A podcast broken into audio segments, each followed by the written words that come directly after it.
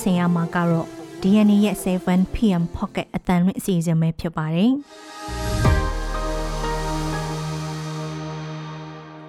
ဒီကနေ့ဇန်နဝါရီလ30ရက်နေ့ရဲ့ Pocket အတန်လွင့်အစီအစဉ်မှာတော့ဒေါ်လာရေးတပ်ဖွဲ့တွေထိုးစစ်ဆင်လာလို့လောင်းလုံးမြို့ပေါ်မှာတိုက်ပွဲပြင်းထန်နေတဲ့ဆိုတဲ့အကြောင်းမွန်ပြည်နယ်ဒေသခံတွေပြည်သူစစ်တဲဝင်ဖို့မဲနိုင်ရွေးချယ်ခံနေရတယ်ဆိုတဲ့အကြောင်းဩစတြေးလျတပ်တူတူဖော်ရေးကုမ္ပဏီတွေကစစ်ကောင်စီအတွက် ဝင်ငွေအရင်အမြင့်ဖြစ်နေတဲ့ဆိုတဲ့အကြောင်းမော်တင်ဆွန်စီတီရင်ပြင်ချဲ့ဖို့ဆိုပြီးပသိမ်ခရိုင်တောင်သူတွေစီကလက်တအေကကိုကြက်တထောင်းလုံးကောက်ယူနေတဲ့ဆိုတဲ့အကြောင်းစစ်တမ်းကြောင့်ပြည်သူတွေမောပန်းမှုတံကိုခါးစည်းမခံရစေဖို့ NUG ယာယီတမ္ဒတရိပေးတယ်ဆိုတဲ့အကြောင်းစတဲ့ပြည်သွင်းသတင်းတွေနဲ့ပြင်သက်လယ်သမားတွေကဘာရီမြို့တော်ရဲ့လမ်းမကြီးတချို့ကိုလက်ထုံဆက်တွေနဲ့ပိတ်ပြီးဆန္ဒပြနေတဲ့ဆိုတဲ့အကြောင်းလူငယ်တွေအသုံးများတဲ့ တခါသုံး vape တွေကိုပိတ်ပင်သွားမယ်လို့ဗြိတိန်အစိုးရကြေညာတယ်ဆိုတဲ့အကြောင်းစတဲ့နိုင်ငံတကာသတင်းတွေကိုနားဆင်ရမှာပါရှင်ဒီစီစဉ်ကိုတော့ကျမနန်းခမ်းနဲ့စိန်ကတင်ဆက်ပေးသွားပါမယ်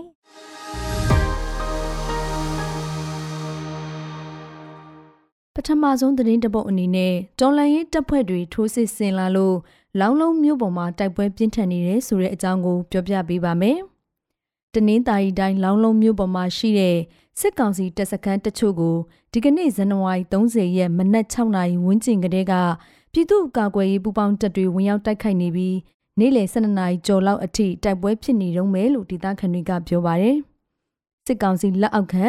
ရဲစခန်းထွေအုပ်ယုံစရဖယုံနဲ့လာဝကယုံတို့မှာရှိတဲ့စစ်ကောင်စီတပ်ဖွဲ့ဝင်တွေကိုတပြိုင်တည်းဝင်ရောက်တိုက်ခိုက်နေတာလို့သိရပါတယ်။ တိုက်ပွဲအတွင်းတဝဲမြို့ကျက်စပြင်းရက်ကွက်ကတ်စတန်စိတ်ကန်းယုံကနေ9မိုင်ခန့်အကွာလောင်းလုံးမြို့ဘက်ကိုလက်နက်ကြီးတွေနဲ့ပစ်ခတ်နေတယ်လို့တဝဲကနေစစ်ကူလာတဲ့စစ်ကောင်စီတပ်ဖွဲ့ဝင်90လောက်ကလည်းမင်းရဲ့ရွာဘက်ကနေတွန်းလန့်အတိုင်းချင်းလင်းစစ်ကြောင်းထိုးလာနေတယ်လို့သိရပါတယ်။နှစ်ဖက်တိုက်ပွဲအတွင်းလက်နက်ကြီးကြားရောက်ပောက်ကွဲလို့ထိခိုက်ဒဏ်ရာရတဲ့အရက်သားတွေလည်းရှိနေပြီးဈေးကူးတမှုခံယူဖို့လည်းအခက်အခဲရှိနေကြပါတယ်။ ဒါအပြင်မနက်အစောပိုင်းကတည်းကတိုက်ပွဲဆဖြစ်တာကြောင့်မြို့ကန်တွေပိတ်မိနေကြတာတွေလည်းရှိနေတယ်လို့သိရပါတယ်။တဝဲခရိုင်ဒီမိုကရေစီအရေးလှုပ်ရှားမှုတပိတ်ကော်မတီ DDMSC ကတော့လက်နက်ကြီးအနေရှိတာကြောင့်လောင်းလုံးမြို့ပေါ်နဲ့အနီးအနားကျေးရွာကပြည်သူတွေအနေနဲ့ခိုင်ခန့်တဲ့အဆောက်အအုံတွေနေရန်တွေကိုအကအကွယ်ယူပြီးခုလုံနေကြဖို့တတိပေးထားပါတယ်။တနင်္သာရီတိုင်းဟာ2021ခုနှစ်အာဏာသိမ်းပြီးတဲ့နောက် လက်နက်ကင်တော်လှန်ရေးလှုပ်ရှားမှုတွေအားကောင်းတဲ့ဒေသဖြစ်ပြီးနှစ်ဖက်တိုက်ပွဲတွေလည်းမကြမကြာရှိပေမဲ့အခုလိုမြို့ပေါ်ကစစ်ကောင်စီလက်အောက်ခံဌာနဆိုင်ရာရုံးတွေကိုတပြိုင်တည်းစီးနင်းတိုက်ခိုက်ပြီးမြို့ပေါ်မှာနိုင်နဲ့ချီတိုက်ပွဲပြင်းထန်တာမျိုးတော့မရှိသေးပါဘူး။လက်ရှိလောင်းလုံးမြို့ပေါ်တိုက်ပွဲမတိုင်မီတပတ်လောက်အကြာဇန်နဝါရီ24ရက်ကတော့တနင်္သာရီတိုင်းအတွင်းမှာပထမဆုံးစခန်းသိမ်းတိုက်ပွဲအဖြစ်တပွဲမြို့နယ်တွေကကြောက်ထုစစ်စင်ရေးခြေကုပ်စခန်းကို KNL နဲ့ PDF ပူးပေါင်းတပ်တွေကတိုက်ခိုက်သိမ်းပိုက်ခဲ့ပါတယ်။ဆက်လက်ပြီးပြောပြချင်တဲ့အကြောင်းကတော့မွန်ပြည်နယ်ဒေသခံတွေပြည်သူစစ်တဲဝင်ဖို့မဲနိုင်ရွေးချယ်ခံနေရတယ်ဆိုတဲ့အကြောင်းပါ။မွန်ပြည်နယ်အတွင်းကမြို့နယ်တချို့မှာအရက်သားတွေကိုစစ်ကောင်စီကပြည်သူလုံခြုံရေးအမိခံပြည်သူစစ်အဖွဲ့တွေဝင်ဖို့ဖိအားပေးလူသစ်စုဆောင်မှုတွေစတင်နေပြီးမဲစနစ်နဲ့ရွေးချယ်ခံနေရတယ်လို့ဒေတာခန်တွေက DNA ကိုပြောပါတယ်။ပြည်သူလုံခြုံရေးအဖွဲ့ဖွဲ့စည်းဖို့ကို စက်ကောင်စီလက်အောက်ခံစစ်သားရဲနဲ့ရဲကြီးအုပ်ချုပ်ရေးအဖွဲ့တွေကရက်ွက်ကြီးရွာအသီးသီးကိုတွားရောက်ပြီးအခုလဒုတိယအပတ်ထဲမှာလူဦးရေစည်ရင်တောင်းခံနေတာလို့ဆိုပါတယ်။လက်ရှိမှာအဲ့ဒီပြည်သူစစ်အဖွဲ့တွေဝင်ဖို့တထုံပြီးလင်ကြိုက်ထိုရေကြိုက်မယောတန်ဖြူစစ်ရက်အစရှိတဲ့မြို့နယ်တွေမှာအများဆုံးစည်ရင်တောင်းခံနေပြီးမြို့ပေါ်နေပြည်သူတွေထက်ကြီးရွာနေပြည်သူတွေကိုအတိကခေါ်ယူနေတာဖြစ်တယ်လို့ ဒေသခံတွေကပြောကြပါတယ်။လူစရင်တောင်းခံရမှာကြီးရွာမှာရှိတဲ့လူဦးရေအပေါ်မူတည်ပြီးတော့တရွာကိုအနည်းဆုံး10ဦးကနေအများဆုံး20အထိပြည်သူလုံခြုံရေးအဖွဲ့အမည်ခံပြည်သူစစ်အဖွဲ့တွေဝင်ဖို့မဲနိုင်ရွေးချယ်ခံရမှာဖြစ်ပါတယ်။လက်ရှိတချို့ကြေးရွာတွေမှာတော့မဲနိုင်ရွေးချယ်တဲ့လုပ်ငန်းစဉ်ပြီးသွားတာရှိသလိုတချို့ကြေးရွာတွေမှာလူရွေးပွဲကျင်းပရခြင်းမရှိသေးဘူးလို့ဆိုပါတယ်။ကြေးရွာလုံခြုံရေးအဖွဲ့မှတာဝန်ထမ်းဆောင်ဖို့မဲပေါက်ပေမဲ့ တာဝန်မထမ်းဆောင်ခြင်းတဲ့သူတွေကိုလည်းတဦးကိုငွေကျပ်9သိန်းကနေ15သိန်းအထိပေးပြီးတော့ကင်းလွတ်ခွင့်ယူနိုင်ကြောင်းအသိပေးထားတယ်လို့ဆိုပါတယ်။မဲပေါက်ပြီးတာဝန်ထမ်းဆောင်မဲ့သူတွေကတော့ဒေသတွင်းမှာရှိတဲ့စစ်ကောင်စီတပ်ရင်တပ်စခန်းတွေမှာတလအကြာအခြေခံစစ်တမ်းတန်းတွေတက်ရမှာဖြစ်ပြီးတင်းနှန်းဆင်းလာရင်နေရက်ကြေးရွာတွေမှာစစ်ကောင်စီတပ်ဖွဲ့တွေနဲ့အတူလုံခြုံရေးတာဝန်ထမ်းဆောင်ရမှာဖြစ်တယ်လို့ဆိုပါတယ်။ တာဝန်ထမ်းဆောင်နေချိန်ကာလမှာအနှိမ်ဆုံးလာစာ8000ကနေအများဆုံး2သိန်းအထိရရှိမှာဖြစ်ပြီးတော့တောင်နှုတ်လယ်မြေတွေစကြက်လယ်မြေတွေမှာလောက်ကင်ခွင့်ပေးတာနဲ့တခြားခံစားခွင့်အမျိုးမျိုးရရှိမယ်ဆိုပြီးစစ်ကောင်စီလက်အောက်ခံအဖွဲ့တွေကမက်လုံးပေးထားတယ်လို့လည်းသိတာခံတွေကပြောပါတယ်။ဆက်လက်ပြီးဩစတြေးလျတပ်တူတူဖော်ရေးကုမ္ပဏီတွေကစစ်ကောင်စီအတွက်ဝင်ငွေအရေးအမြင့်ဖြစ်နေတဲ့ဆိုတဲ့အကြောင်းကိုပြောပြပါမယ်။ မြန်မာနိုင်ငံမှာအခြေစိုက်လုပ်ကင်နေတဲ့ဩစတြေးလျတပ်တူတူဖော်ရေးကုမ္ပဏီတချို့ဟာအာဏာသိမ်းစစ်တပ်ကိုငွေကြေးအထောက်အပံ့တွေပေးအပ်နေတယ်လို့အစီရင်ခံစာတစ်စောင်ကဖော်ပြထားပါတယ်။စစ်အာဏာရှင်တွေကိုစန့်ကျင်တဲ့လှုပ်ရှားမှုမှာအပတ်တကုတ်အားထုတ်ကြိုးစားနေတဲ့ Justice for Myanmar ကလူသားဆန်မှုကိုစန့်ကျင်သောတတုတူးဖော်ခြင်းများဆိုတဲ့အစီရင်ခံစာမှာအဲ့ဒီ Australia ကုမ္ပဏီတွေရဲ့နာမည်စင်းကိုဖော်ပြထားကြောင်းပြောပါတယ်။ Australia တတုတူးဖော်ရေးကုမ္ပဏီပေါင်း10ကနန်းလောက်ဟာမြန်မာနိုင်ငံမှာလုပ်ငန်းဆက်လက်လေပတ်နေရင်စစ်တပ်အတွက်အဖိုးတန်နိုင်ငံခြားငွေကြေးစည်းဝေမှုလမ်းကြောင်းတွေဖန်တီးပေးနေတယ်လို့ဆိုပါတယ်။အဲ့ဒီငွေကြေးတွေကိုစစ်တပ်ကဒီမိုကရေစီရေးရုန်းကန်တိုက်ပွဲဝင်နေတဲ့တော်လှန်ရေးအင်အားစုတွေနဲ့ပြည်သူလူထုကိုဖိနှိပ်ဖြိုခွင်းမှုပြန်လည်အသုံးချနေပါတယ်။စစ်တပ်ကတရားလက်မဲ့အာဏာသိမ်းခဲ့တာသုံးနှစ်နီးပါးကြာညောင်းလာတဲ့အထိတတုတူးဖော်မှုကနေအကျိုးခံစား권ရနေတဲ့ စစ်အာဏာရှင်တွေရဲ့ဝင်ငွေလမ်းကြောင်းတွေကိုပိတ်ဆို့အရေးယူဖို့ဩစတြေးလျကပြက်ကွက်နေတယ်ဆိုတာဟာလက်သင့်ခံနိုင်စရာမရှိကြောင်း Justice for Myanmar ရဲ့ပြောရေးဆိုခွင့်ရအမျိုးသမီးမက်ရတနာမောင်ကဝေဖန်ပါတယ်။လက်ရှိအချိန်ထိမြန်မာနိုင်ငံမှာစစ်တပ်ကိုအခွန်ပေးရင်တတုတူးဖော်မှုတွေဆက်လက်လုပ်ကိုင်နေတဲ့ဩစတြေးလျကုမ္ပဏီ10ခုလောက်ရှိတယ်လို့ယုံကြည်ရပါတယ်။ Justice for Myanmar ကကုမ္ပဏီအသီးသီးကိုဆက်သွယ်ပြီးမြန်မာနိုင်ငံမှာလုပ်ငန်းဆောင်ရွက်နေမှုအခြေအနေတွေနဲ့ စစ်အာဏာရှင်အပေါ်ငွေကြေးပေးချေမှုတွေကိုစုံစမ်းမေးမြန်းခဲ့ပြီးတချို့ကလုံးဝအကြောင်းမပြန်သလိုတချို့ကလူရင်းကိုရှောင်ဖယ်ပြီးဝိလေကြောင်ပတ်ဖြေချခဲ့တယ်လို့သိရပါတယ်။မက်ရှေဒနာမောင်ကတော့တခြားသောအနောက်မဟာမိတ်နိုင်ငံတွေကသူတို့နိုင်ငံသားတွေနဲ့ကုမ္ပဏီတွေကိုစစ်အာဏာရှင်နဲ့ပူးပေါင်းလှုပ်ဆောင်မှုတွေကနေအပြင်းအထန်ကန့်သက်တားမြစ်နေတဲ့အချိန်ဩစတြေးလျကုမ္ပဏီတွေရဲ့ရည်တည်မှုကိုလက်သင့်ခံထားတဲ့ဩစတြေးလျအစိုးရအနေနဲ့ရှက်တင်တယ်လို့ပြောပါတယ်။ ဒါအပြင်ထိရောက်တဲ့အရေးယူကြက်မှတ်မှုတွေနဲ့ကင်တွယ်ဖို့လေသူကတောင်းဆိုပါတယ်။မြန်မာနိုင်ငံဟာကြောက်စိမ့်ပဒံများရွှေငွေတန်ဖြူတွတ်နဲ့စကြင်ကြောက်တို့အပါအဝင်တွင်းထက်တယံဇာတမျိုးစုံထွက်ရှိပြီးကဘာပေါ်မှာမြေရှားတတု REM ထုတ်လုပ်မှုပစ္စမအများဆုံးနိုင်ငံအဖြစ်လည်းရည်တည်နေပါတယ်။အခုဆက်လက်ပြီးပြောပြချင်တာကတော့မော်တင်ဆွန်စီရီရင်ပြင်ချဲဖို့ဆိုပြီးပသိမ်ခဲတောင်သူရီစီက လေတအေကကိုကြက်တထောင်းလုံးကောက်ယူနေတဲ့ဆိုတဲ့အကြောင်းပါ။ ARD တိုင်းကစက်ကောင်စီအဖွဲ့ဟာငပုတော်မြို့နယ်မှာရှိတဲ့ရှီဟောင်းတမိုင်းဝင်စီတီတဆူဖြစ်တဲ့မျက်မော်တင်ဆုံးစီရီရင်ပြင်တော်တိုးချဲ့ဖို့ဆိုပြီးပသိမ်ခဲဒေသအတွင်းကတောင်သူရီစီကနေလေတအေကကိုကြက်တထောင်းလုံးနဲ့ကောက်ယူနေတယ်လို့ဒေသခံတွေစီကသိရပါဗျ။ပသိမ်ခဲအတွင်းကမြို့နယ်တွေအတွင်းမှာနေထိုင်တဲ့တောင်သူရီစီကနေစစ်ကောင်စီရဲ့မြို့နယ်စီမံအုပ်ချုပ်ရေးအဖွဲ့ကတဆင့် ရက်ကြီးအုပ်ချုပ်ရေးအဖွဲ့တွေကိုထပ်ဆင့်ညွှန်ကြားပြီးတော့တတ်မှတ်ကြီးဖြတ်တောင်းယူခိုင်းနေတာဖြစ်ပါတယ်။ဒေတာခန်တောင်သူတွေအနေနဲ့လင်းမြေတအေကကိုကြက်တထောင်းလုံးထည့်ဝင်ဖို့တတ်မှတ်ထားတာဖြစ်ပြီးပေးဖို့ပြက်ကွက်ရင်လည်းစိုက်ပျိုးစရိတ်ချီးငွေကနေဖြတ်တောက်မယ်။လေယာမြေပိုင်ဆိုင်ခွင့်လက်မှတ်ပုံစံခုနှစ်ကိုလည်းအာမခံအဖြစ်ပေးရမယ်ဆိုပြီးဖိအားပေးထားတယ်လို့ငပူတော်ဒေတာခန်တောင်သူတဦးကပြောပါတယ်။ဂျေးလက်နေတောင်သူတွေအနေနဲ့ ဗုဒ္ဓဘာသာဝင်တွေတာမကတခြားဘာသာဝင်တောင်သူတွေပါမဖြစ်မနေအလွန်ငွေထည့်ဝင်ဖို့သတ်မှတ်ထားတာဖြစ်ပြီးညွန်ကြားချက်အတိုင်းကောက်ခံပေးဖို့အခက်အခဲတွေရှိတယ်လို့ဒေသခံအုပ်ချုပ်ရေးအဖွဲ့ဝင်တချို့ကပြောပါတယ်။ AR တိုင်းစစ်ကောင်စီရဲ့စီမံပန်းနာဝင်ကြီးဦးတင်အေးကမျက်မှော်တင်စွန်းရဲ့စီဒီရင်ပြင်တော်တိုးချဲ့ဖို့အတွက်ပန်းနာငွေလိုအပ်ကြောင်းပြီးခဲ့တဲ့ဇန်နဝါရီလဒုတိယပတ်အတွင်းကတိုင်းစစ်ကောင်စီအစည်းအဝေးမှာတင်ပြခဲ့ပါတယ်။အဲ့ဒီနောက်ပိုင်း တိုင်းဝင်ကြီးချုပ်ဒုတိယပိုးချုပ်ကြီးဟောင်းတင်မောင်ဝင်းကတောင်သူရီစီကကြေးသက်မှတ်တောင်းယူပြီးပန်နာငွေရှာဖို့ညွှန်ကြားခဲ့တာလို့သိရပါတယ်။မျက်မော်တင်ဆုံးစီရီဟာပသိမ်ခရိုင်ငပုတော်မြို့နယ်ဟိုင်းကြီးကျွန်းဒေသ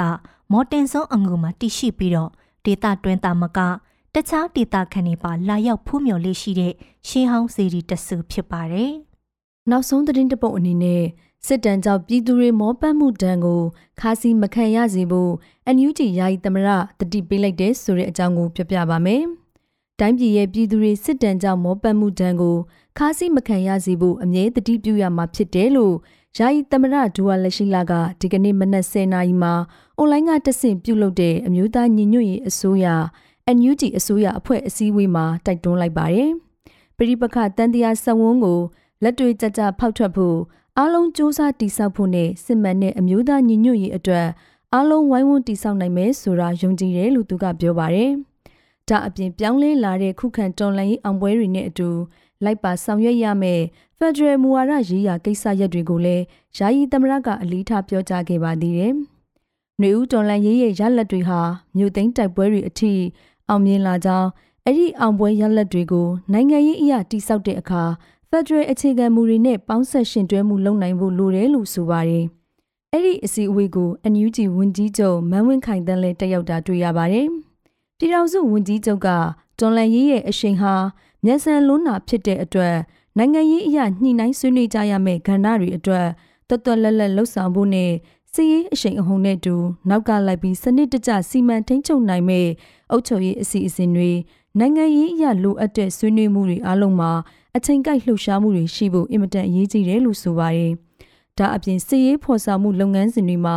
ချိန်တော်ကွန်မန်အင်မတန်အရေးကြီးတယ်လို့အုပ်ချုပ်ရေးဖော်ဆောင်နေတဲ့မြို့နယ်တွေမှာတရားဥပဒေစိုးမိုးရေးကိစ္စကလည်းအင်မတန်အရေးကြီးတယ်လို့လည်းတတိပေးပြောကြပါတယ်။ရှမ်းမြောက်ကမြို့ပေါင်း16မြို့အပါအဝင်ချင်းရခိုင်စကိုင်းကယားကရီနီနဲ့ကရင်ပြည်နယ်တွေကမြို့ပေါင်း36မြို့ထက်မနည်းကို တွန်လိုင်းအင်အားစုတွေကတင်ပိုက်ပြီးအုပ်ချုပ်ရေးစနစ်တွေအကောင့်အထည်ဖော်နေတာရှိပါတယ်။အဲ့ဒီမြို့နယ်တွေမှာတွန်လိုင်းအင်အားစုတွေအုပ်ချုပ်ရေးအကောင့်အထည်မဖော်နိုင်အောင်လက်နက်ကြီးနဲ့ပစ်တာလေကြောင်းကတိုက်ခိုက်တာတွေလည်းစစ်ကောင်စီတပ်ကလှုပ်ဆောင်နေတာလည်းရှိပါတယ်။ဆက်လက်ပြီးတော့နိုင်ငံတကာသတင်းတွေကိုတင်ဆက်ပေးပါမယ်။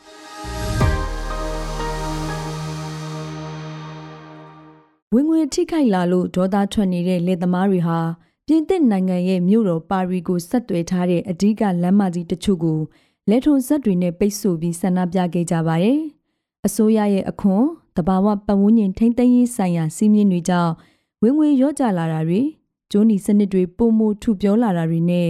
ပြင်ပကနေတင်သွင်းလာတဲ့ကုန်စည်တွေကြောင့်ပြိုင်ဆိုင်မှုပြင်းထန်လာတာတွေကိုမကျေနပ်လို့ပြင်သစ်လေသမားတွေကအစိုးရကိုဆန္ဒပြခဲ့ကြတာဖြစ်ပါတယ်။ ဇန်နဝါရီ29ရက်မှာတော့ရာနဲ့ချီများပြတဲ့လက်ထွန်ဆက်တွေဟာပါရီကိုတွေ့တန်းထားတဲ့ပေမလမ်းမကြီးစီဖြန့်ကျက်ပြီးပိတ်ဆို့ထားခဲ့ကြပါတယ်။လေသမားတွေကပါရီကိုစီးနှင်းခြင်းလို့သုံးနှုန်းတဲ့အဲ့ဒီစန္ဒပြလှုပ်ရှားမှုအတွက်အာနာပိုင်တွေကရဲအင်အားတထောင်ခွဲလောက်ကိုအသုံးပြုပြီးလက်ထုံဆက်တွေကိုလိုက်လံဖယ်ရှားစေခဲ့ရပါတယ်။နိုင်ငံရဲ့တခြားမြို့တွေမှာလည်းလက်သမားတွေကအစုလိုက်ဆန္ဒပြခဲ့ကြတဲ့အပြင်ဘယ်ဂျီယန်၊ဂျာမနီနဲ့ နယ်သာလန်တို့ကိုလည်းအလားတူဆန္ဒပြလှုပ်ရှားမှုတွေကူးဆက်ပြန့်နှံ့သွားခဲ့ပါတယ်။ပပေါ်လောလောလဲဆိုင်နေရတဲ့ကိစ္စမျိုးကိုမလုပ်နိုင်ကြောင်းကိုယ့်ရဲ့အသက်မွေးအလုပ်ဟာ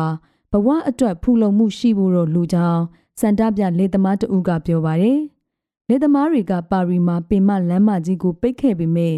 ဒုတိယအသုံးများတဲ့လမ်းကြောင်းတွေကိုတော့ဖွင့်ပေးထားခဲ့ပါတယ်။နောက်ပြီးလေသမားတွေကအာနာပိုင်တွေကြိုတင်တတိပေးတားမြစ်ထားတာကိုဖီဆန်ပြီး စူပါမားကတ်တွေကစားတောက်ကုန်တွေကိုတုံးဆွဲသူတွေလက်ထက်ပို့ဆောင်မှုတွေကနေကြားပြတ်ဟန့်တားခဲ့ကြပါတယ်။ရဲတွေကအခုကိစ္စကိုအင်အားသုံးတုံ့ပြန်တာမျိုးမရှိခဲ့တာကြောင့်နှစ်ဖက်ရင်ဆိုင်ပြိပခတွေတော့မဖြစ်ခဲ့ပါဘူး။ပြင်သစ်ရဲ့လေယာလုပ်ငန်းစုအကြီးဆုံးသမဂ္ဂဖြစ်တဲ့အမျိုးသားစိုက်ပျိုးရေးဥပိုင်အဖွဲ့ချုပ် FNSEA ကစန္ဒပြမှုတွေရဲ့အဓိကရည်မှန်းချက်ကတော့ရှင်မတိုးတာနောက်မဆုတ်တာအခြေအနေတွေကိုအစိုးရကလှင်းလင်းမြန်မြန်တုတ်ပြန်ဖြေရှင်းပေးစီဖို့ဖြစ်တယ်လို့ပြောပါတယ်။ ပြင်သစ်အစိုးရကတော့တမဒအီမန်နျူရယ်မာခရွန်ဟာဘယ်ဂျီယန်နိုင်ငံဘရက်ဆဲမြို့မှာဥရောပကော်မရှင်ဥက္ကဋ္ဌအာဆူလာဘွန်ဒါလီယန်နဲ့တွေ့ဆုံပြီးဥရောပသမဂ္ဂအတိုင်အဝန်းတစ်ခုလုံးအတိုင်းအတာအထိလေယာနဲ့စိုက်ပျိုးရေးလုပ်ငန်းခွင်အထောက်အပံ့မူဝါဒတွေအတွက်ဆွေးနွေးဖို့စီစဉ်နေကြောင်းထုတ်ပြန်ထားပါတယ်။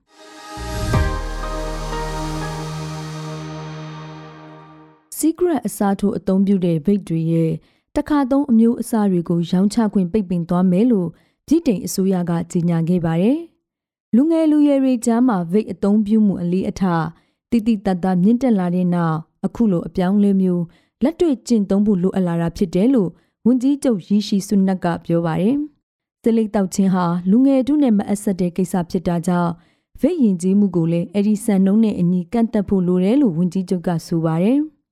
ဒီတိမ်အစိုးရဟာလူငယ်တွေရဲ့ကျန်းမာရေးအတွက်ငဲ့ကွက်ပြီးဈေးကွက်ထဲမှာတစ်ခါသုံးဖိတ်တွေရောင်းချမှုကိုတားမြစ်သွားမှာဖြစ်တဲ့အပြင်လူငယ်တွေကိုပြစ်မှတ်ထားပြီးအယောင်မြင့်တင်တဲ့ဗိတ်အမျိုးအစားတွေကိုလည်းပြစ်မှတ်ထားပိတ်ပင်သွားမယ်လို့ဆိုပါတယ်။ secret တွေလိုပဲဗိတ်တွေကိုလည်းပြည်တိမ်မှာအသက်16နှစ်အောက်လူငယ်တွေဝယ်ယူခွင့်မရှိပါဘူး။ဒါပေမဲ့ဆေးပြန်ဖြည့်လို့မရတယ်လို့ပုံမိုသေးငယ်ပြီးအယောင်အသွေးစုံလင်အောင်ထုတ်လုပ်ထားတဲ့ဗိတ်တွေကို လူငယ်တွေကြားမှာသုံးဆွဲမှုကစိုးရိမ်စရာကောင်းလောက်အောင်မြင့်တက်လာနေတယ်လို့ကျန်းမာရေးဌာနတာဝန်ရှိသူတွေကတတိပေးထားပါတယ်။2020ပြည့်နှစ်တုန်းကအသက်18နှစ်အောက်လူငယ်တို့ရဲ့4.1ရာခိုင်နှုန်းဟာဗိတ်ကိုပုံမှန်ဒါမှမဟုတ်တခါတရံသုံးဆွဲတယ်လို့စစ်တမ်းတစ်ခုမှဖြေကြားခဲ့ဘူးပြီးအခုအခါမှာတော့အဲ့ဒီအချိုးစားဟာ9.6ရာခိုင်နှုန်းထိမြင့်တက်လာတယ်လို့သိရပါတယ်။ဝင်းကြီးချုပ်စုနက်ကကလေးတွေနဲ့လူငယ်တွေကြားဗိတ်ဆွဲလန်းမှုအလေးအထားကို အမြင့်ဖြတ်ဖို့အစိုးရဟာပြတ်သားတဲ့အစီအမံတွေနဲ့တုံ့ပြန်သွားမယ်လို့ပြောပါတယ်။ကလေးတွေနဲ့ဗိတ်နဲ့ဘလို့မှမနီးစပ်တင်ကြောင်းလူငယ်တွေကိုဗိတ်ဆွဲလန်းတာမျိုးလည်းမဖြစ်စေချင်ကြောင်းဗိတ်ကြောင့်ရေရှည်မှာကျန်းမာရေးထိခိုက်မှုတွေဘလောက်ကျယ်ပြန့်နိုင်တယ်လဲဆိုတာကိုလည်းလောလောဆယ်မသိနိုင်သေးကြောင်းပြောပါတယ်။ကျန်းမာရေးပညာရှင်တွေကဗိတ်အလီထာဟာဆက်လက်တောက်တာလောက်တော့ကျန်းမာရေးထိခိုက်မှုမရှိနိုင်ဘူးလို့ထောက်ခံထားပေမဲ့ရေရှည်မှာဘလို့နောက်ဆက်တွဲဆိုးကျိုးတွေရှိနိုင်တယ်လဲဆိုတာကို သိပ္ပံနည်းကျလေ့လာမှုတွေဆက်လက်လှုပ်ဆောင်နေစေလို့မှတ်ချက်ပေးထားပါတယ်။